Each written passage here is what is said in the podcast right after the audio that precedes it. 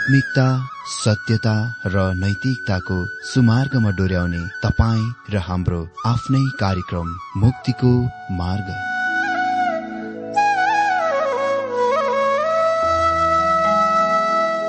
आदरणीय श्रोता यस मुक्तिको मार्ग कार्यक्रममा हार्दिक स्वागत छ। आशा छ यस आत्मिक कार्यक्रमद्वारा जीवनमा आत्मिक आशिष अलौकिक शान्ति र आनन्द प्राप्त गर्नुहुनेछ। र जीवनमा धन्य अनुभव गर्नुहुनेछ। आउनुहोस् श्रोता। मन र आत्माको तयारीको लागि यो मिठो अनि मधुर भजन गीत सुनौ।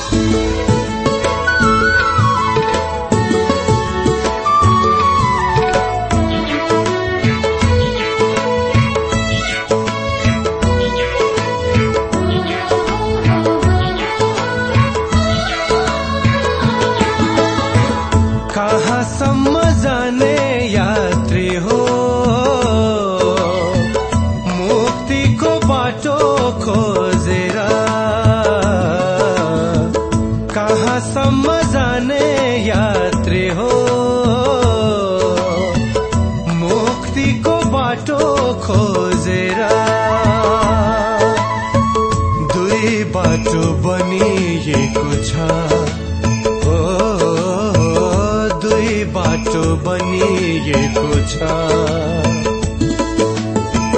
एउटा बाटो फराकिलो छ। बालमसम्म पुग्ने। अर्को बाटो यस्तो पनि छ। ख्रिस्टेसुसम्म पुग्ने। कहाँ जाने? कता जाने। निर्णय गर हो कहाँ जाने कता जाने। निर्णय गर हो कहाँसम्म जाने यात्री हो। मुक्तिको बाटो खोजेर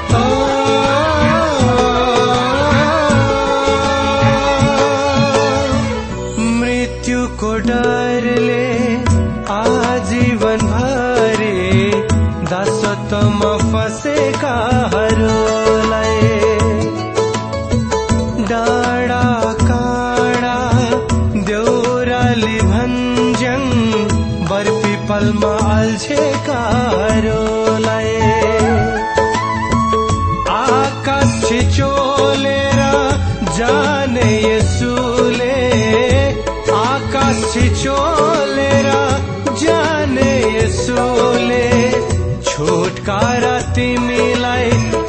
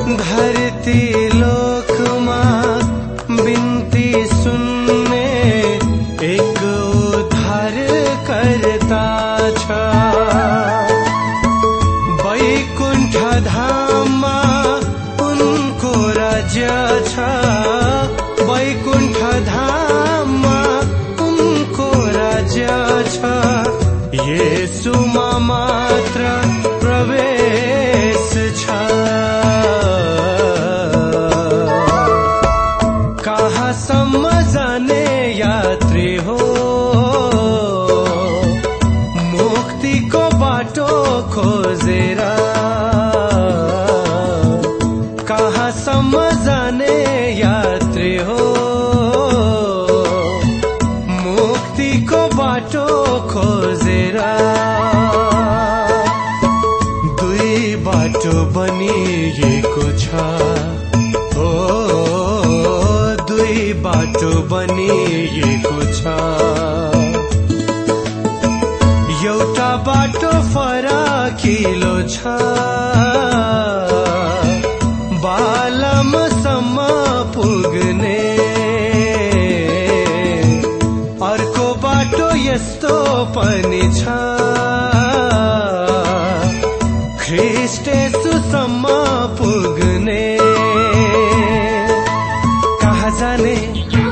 जाने निर्णय गर हो। कहाँ जाने कता जाने निर्णय गर हो।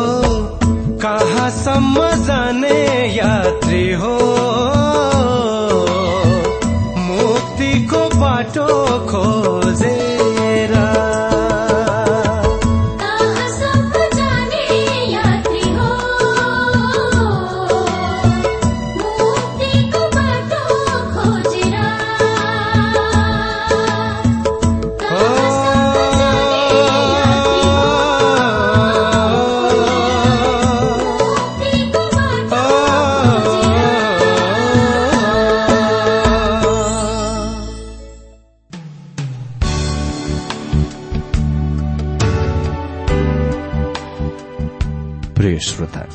प्रसारण मार्फत यो अवगत गराउन चाहन्छौ कि प्रभुको सेवाको लागि यहाँहरूको साझेदारी नित्यन्त आवश्यकता छ।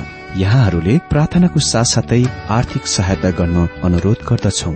तपाईँहरूको सानो भन्दा सानो भेटी किन नहोस् हामी प्रभुको नाममा स्वीकार गर्नेछौ प्रभुको सेवाको लागि। तपाईँहरूको यो सानो लगानीले कसैको जीवनमा भिन्नता ल्याउँछ? अनि प्रभुको महिमा हुन्छ। प्रभु तपाईँहरूलाई महान गरी आशिष दिनुहुनेछ। इच्छुक श्रोताहरूले तपाईँहरूको इच्छा भेटी हाम्रो ठेगानामा पठाउन सक्नुहुन्छ जुन ठेगाना हामी कार्यक्रमको अन्तमा दिनेछौ। श्रोता आजको यो बाइबल अध्ययन कार्यक्रममा हार्दिक स्वागत छ। साथै प्रभु येशु ख्रिस्टको नाममा जय मसीह अनि नमस्ते। श्रोता झुट्टा शिक्षकहरूद्वारा सत्य विश्वास त्याग छ भन्ने विषय अन्तर्गत अघिल्लो दिनमा हामीले दोस्रो पत्रुस दुई अध्यय एकदेखि तीन पदबाट बाइबल अध्ययन गरिरहेका थियौं। आज पनि यही विषयबाट हामी दोस्रो पत्रुस दुई अध्यय चारदेखि आठ पदबाट बाइबल अध्ययन गर्नेछौ। सबभन्दा पहिले अघिल्लो दिनमा अध्ययन गरेको वचन खण्डलाई पढिदिन्छु। यहाँ यस प्रकार लेखिएको छ दोस्रो पत्रुस दुई अध्यय एकदेखि तीन पदमा जसरी इसरायलीहरूका माझमा झुट्टा अगमवक्ताहरू पनि थिए त्यसरी तिमीहरूका माझमा झुट्टा शिक्षकहरू खड़ा हुनेछन्। यिनीहरूले गुप्त रूपले विनाशकारी झुट्टा शिक्षाहरू ल्याउनेछन्। यहाँसम्म कि तिनीहरूलाई उद्धार गर्नुहुने स्वामीलाई पनि तिनीहरूले इन्कार गर्नेछन् र आफैमाथि चाँडै विनाश ल्याउनेछन् र धेरैजनाले तिनीहरूका विलासी आचरणको अनुसरण गर्नेछन् र तिनीहरूको कारण सत्यका मार्गको बदनामी हुनेछ। यहाँ हामी सत्य विश्वास त्याग ल्याउने झुट्टा शिक्षकहरूको परिभाषा देख्छ। साथै तिनीहरूका नाश गर्ने शिक्षाहरू सिद्धान्तहरू तिनीहरूका अभ्यासहरू र तिनीहरूका उद्देश्य र लक्ष्य साथै तिनीहरूका दण्ड वा इन्साफको बारेमा देख्छौ। अहिले पत्रुस भूत वा अतीतमा सत्य विश्वास त्यागहरूका तीन उदाहरणहरू हामीलाई दिनेछन्। उसको पहिलो उदाहरण ती स्वर्गीय दूतहरूको लागि हो वा ती स्वर्गीय दूतहरू हुन् जसले पाप गरे। यो पद चारमा देख्छौ।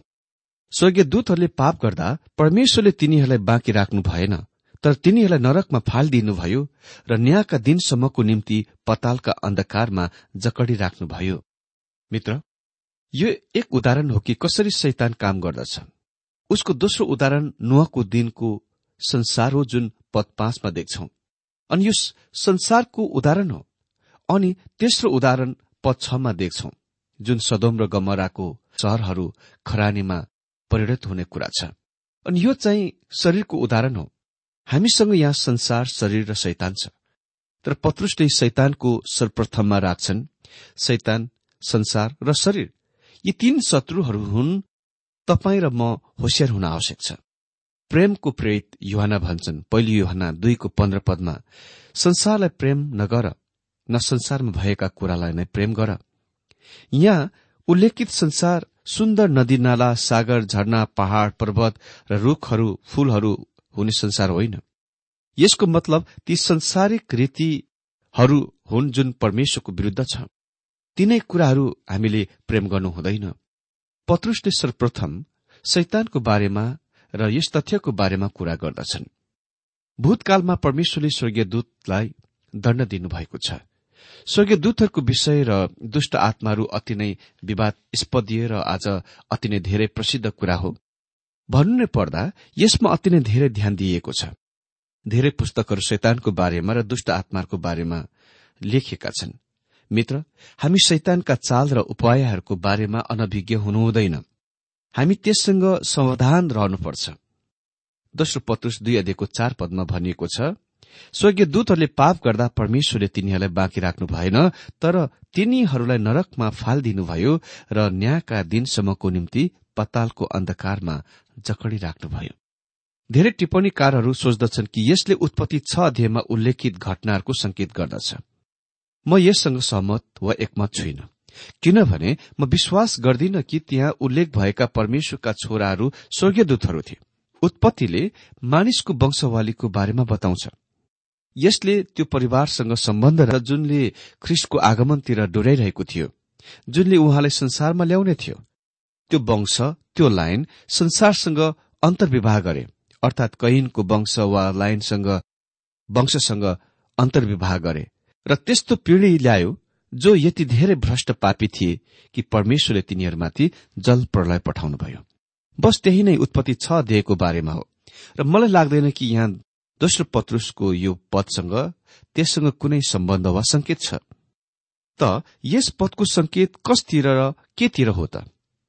यसको सम्बन्धमा म केही अनुमान गर्नेछु यद्यपि शास्त्रले हामीलाई यसको सम्बन्धमा अस्पष्ट दृष्टिकोणको नदिए तापनि हामी पत्ता लगाउँछौ कि यहुदाले पनि यी कुराहरूका संकेत गर्दछन्।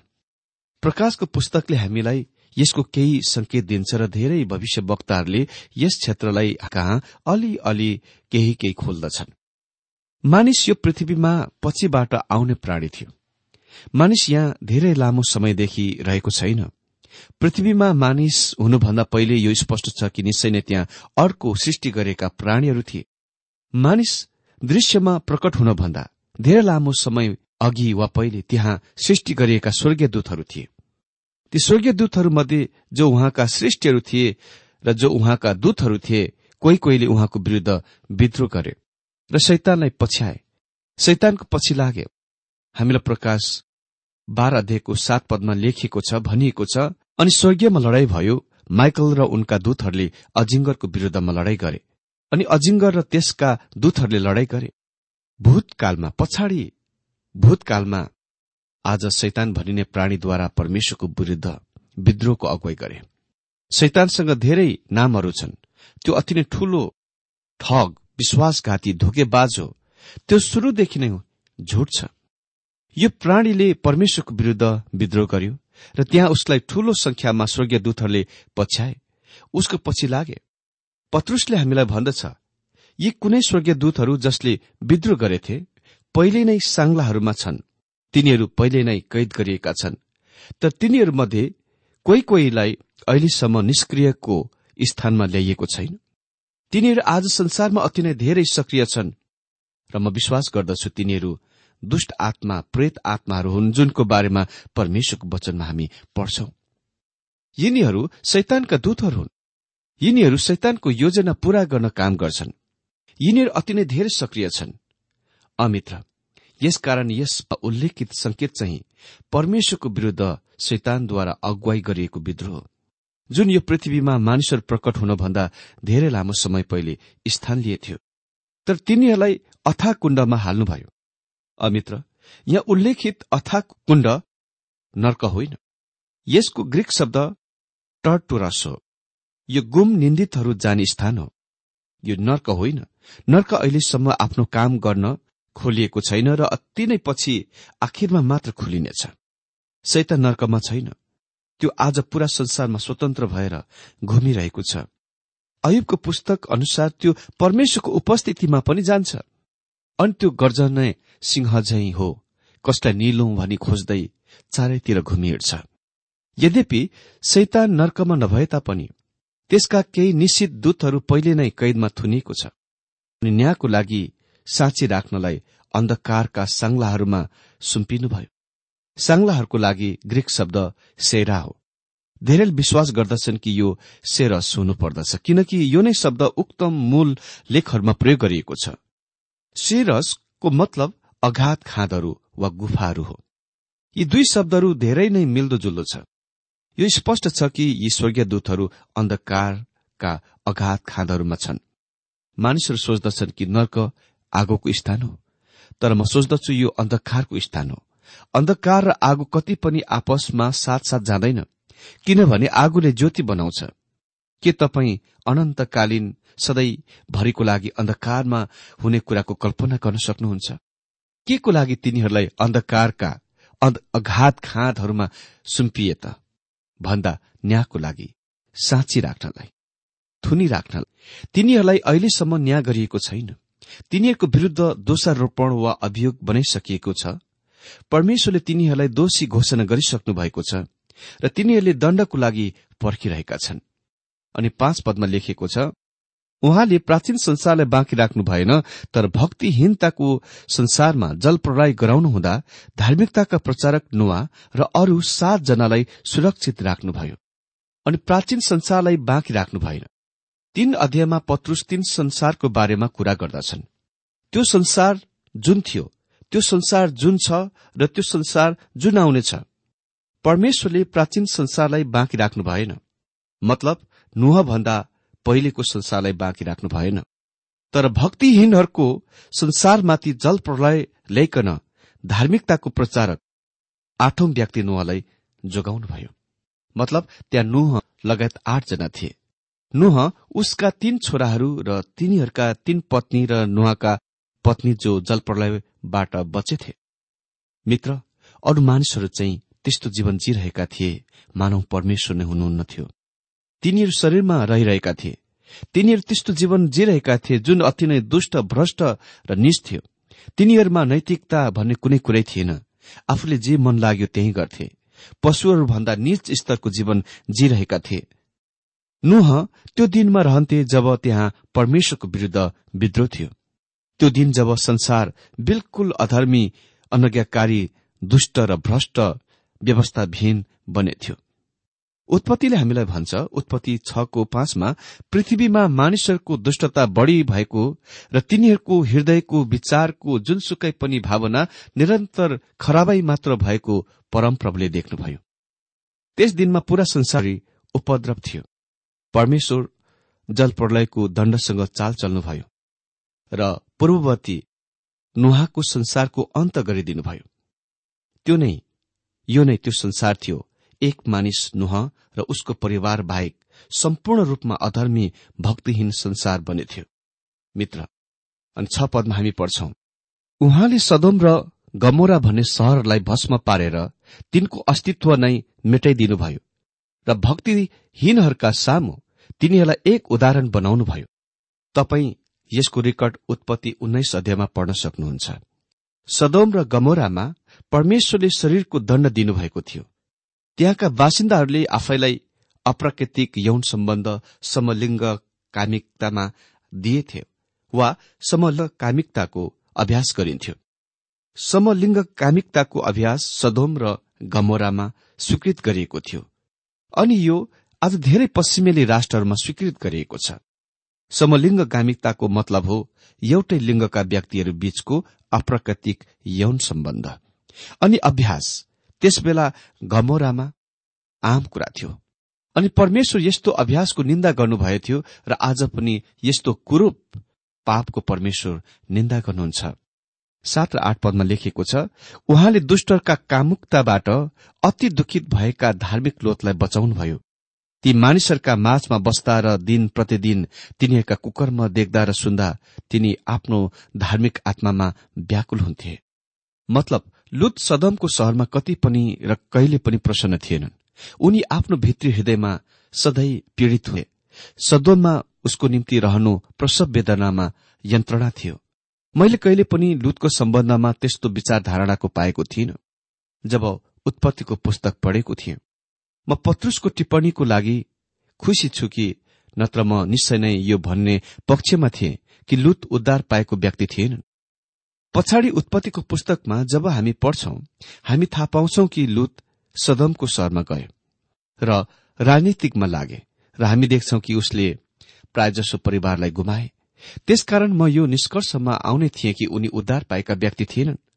अरू त के जब तपाईँ उसका ती दुई छोरीहरूसँग जो उससँग बचेर भाग्न सफल भएका थिए उसको र ती दुई छोरीहरूबीच जुन कुरा घट्यो पढ्नुहुन्छ तपाईँ यो कामना गर्नुहुने थियो कि तिनीहरू पनि सदोममा नै रहनु पर्ने थियो। यहाँ पत्रुसले बनाइरहेको विषय यो हो कि परमेश्वरले त्यस सहरबाट बाहिर निकाली ल्याउनुभयो उहाँ जान्नुहुन्छ कि कसरी धर्मीहरूलाई छुटकारा दिनु?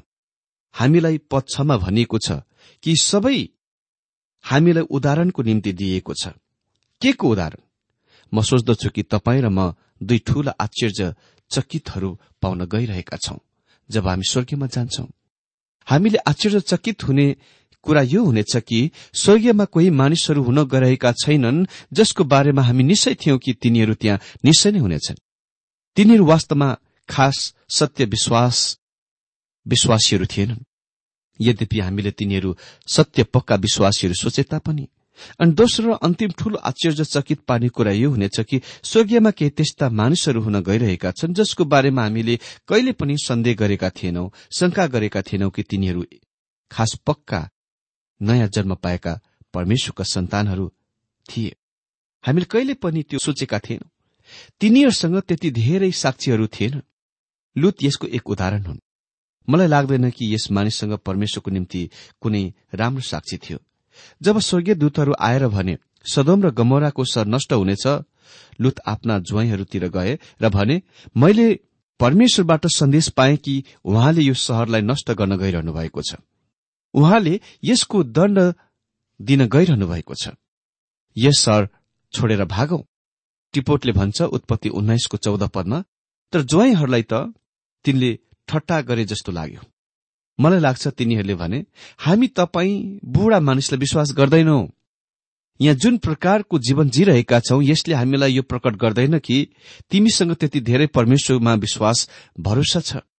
अनि यदि मैले खाली उत्पत्तिको पुस्तक मात्र पढे म पनि यस निष्कर्षमा आउने थिएँ कि लुत स्वर्गीयमा जाने योग्य कति पनि थिएनन्। उनी उद्धार पाएका मानिस थिएनन् तर पत्रुस भन्छन् उहाँले धर्मी दूतलाई छुटकारा दिनुभयो। अनि यसको मतलब खालि लुत मात्र होइन किनभने उसका दुई छोरीहरू र उसका पत्नी पनि उसँगै गए। यद्यपि उसको पत्नी सदोमदेखि निस्केर केही पर पुगेपछि त्यस सहरतिर फर्केर हेरेकोले गर्दा त्यही नै मरियो। लुतलाई धर्मी भनिएको छ किनभने उनी परमेश्वरको दृष्टिमा धर्मी थिए। ती मानिसहरूका जीवन जिउने तरिकाको लुतले बिल्कुल मन पराएका थिएनन्। उसले यसको घृणा गरे। त्यहाँ लु त्यहाँ सदम र गमोरा बासीहरूको जीवन ढाँचालाई। हजुर उनी खालि एक मानिस थिए जुनको अर्थ हो उनी परमेश्वरको सामने धर्मी ठरिएका थिए। किनभने उसले परमेश्वरलाई अब्राहमले जस्तै विश्वास गरे। यद्यपि उसले अब्राहमको जस्तो जीवन जिएका थिएनन्। जुन जीवन संसारमा एक साक्षी लुत शास्त्रको पानामा परमेश्वरको पवित्र जन धर्मी व्यक्तिको रूपमा उभिन्छन् जसलाई उसको विश्वासको कारण धर्मी ठरिएका थिए। अनि आठ पदमा लेखिएको छ ती मानिसहरूको माझमा बस्दा र दिन प्रतिदिन तिनीहरूका कुकरमा देख्दा र सुन्दा तिनी आफ्नो धार्मिक आत्मामा व्याकुल हुन्थे।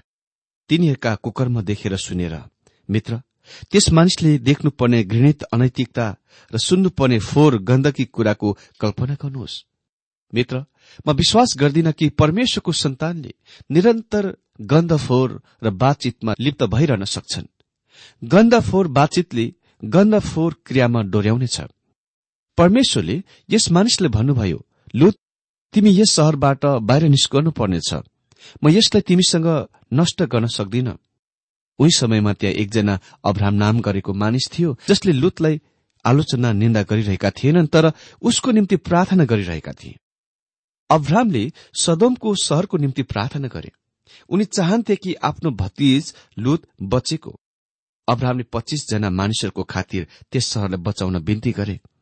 अब्राहम अन्तिममा दस जना धर्मीहरूको लागि त्यस सहरलाई बचाउन परमेश्वरसँग विन्ती गरे। त्यसपछि उसले प्रार्थना गर्न रोके। किनभने उनी डराए। यो सोच्दै कि लुत वास्तवमा परमेश्वरको पक्का सन्तान थिए या थिएनन्। नयाँ जन्म पाएका व्यक्ति थिए या थिएनन्। यो सोच्दै।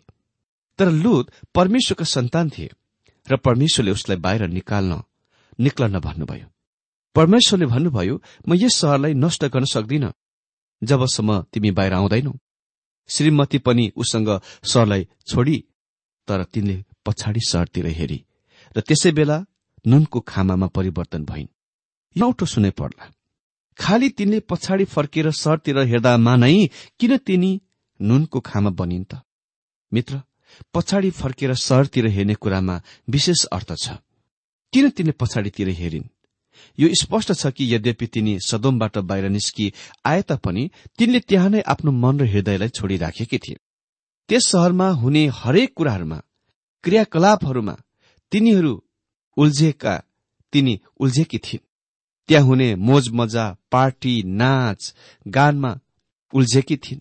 सम्भवत त्यस खास दिन त्यहाँ कुनै त्यस्तो कार्यक्रम थियो? त्यहाँ वास्तवमा तिनी जान चाहन्थिन् म सोच्दछु तिनले लुतलाई रिसाएर भने किन हामी यसरी यस सहरलाई छोड्ने? अनि पछाडि फर्केर त्यस सहरमा हेर्ने अर्को कारण पनि छ। किनभने तिनले परमेश्वरलाई विश्वास गरिनन् कि उहाँले त्यस सहरलाई नष्ट गर्नुहुनेछ भनेर। हजुर तर उहाँले त्यस सहरलाई गर्नुभयो र उहाँले तिनलाई नुनको खामामा परिवर्तन गरिदिनुभयो।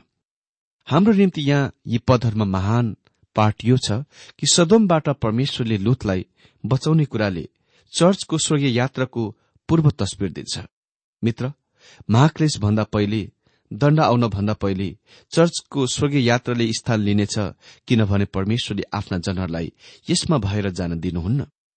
ती मानिसहरू जो लुत जस्तै अति नै दुर्बल पवित्र जनहरू पनि स्वर्गीय यात्रामा उठाइ लगिनेछन् अनि यदि तपाईँले ख्रिस्टलाई आफ्नो उद्धारकर्ताको रूपमा विश्वास गर्नुभए तपाईँ यस कुरामा निश्चय हुन सक्नुहुन्छ कि तपाईँ पनि स्वर्गीयमा उठाइ लगिनुहुनेछ।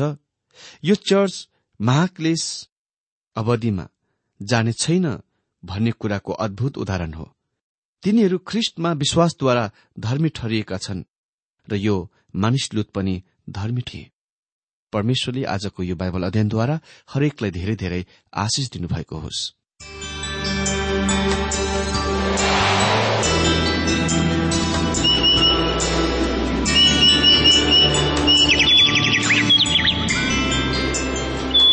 प्रिय श्रोता अहिले भर्खरै तपाईँले टीडब्ल्यूआर नेपालद्वारा सञ्चालित आत्मिक कार्यक्रम मुक्तिको मार्ग सुनिरहनु भएको थियो। श्रोता आजको यो कार्यक्रम सुनेर तपाईँलाई कस्तो लाग्यो? यदि यो कार्यक्रम सुनेर मनमा कुनै खुल्दुली वा कुनै प्रतिक्रिया अर्थात सुझावहरू छन् भने हामीलाई पत्रद्वारा लेख्न सक्नुहुनेछ। हामी हृदयदेखि नै स्वागत गर्नेछौ स्वीकार गर्नेछौ साथै बाइबल सम्बन्धित प्रचारहरू कार्यक्रम सारणीहरू हामी अनुरोधमा पठाउन सक्छौ। अनि तपाईँसँग कुनै प्रार्थनाको विषय छन् भने हामीले तपाईँको लागि प्रार्थना गरेको चाहनुहुन्छ। भने प्रभुमा आफ्नै परिवार सम्झेर हामीलाई पत्रमा लेख्न सक्नुहुनेछ। तपाईँको लागि हामी प्रभु येशुसँग प्रार्थना गर्नेछौ। अधिक जानकारी र पत्रचारको लागि हाम्रो ठेगाना यस प्रकार छ। कार्यक्रम मुक्तिको मार्ग जीपीओ नम्बर उनानब्बे पचहत्तर एपिसी पच्चिस एकसठी काठमाडौँ। ठेगाना एकपल्ट सुन्नुहोला कार्यक्रम मुक्तिको मार्ग जीपीओ नम्बर उनानब्बे पचहत्तर एपिसी पच्चिस एकसठी काठमाडौँ। हाम्रो इमेल एड्रेस हो TWR Nepal at Yahoo dot com साथै यस नम्बरमा एसएमएस गर्न सक्नुहुनेछ अन्ठानब्बे चार सत्तरी पैंतिस छ सय उनासी नौ आठ चार सात जिरो तीन पाँच छ सात नौ। हुन्छ श्रोता आजलाई हामी विदा चाहन्छौ। अर्को कार्यक्रममा हामी पुनः भेट्नेछौ तबसम्मलाई नमस्कार।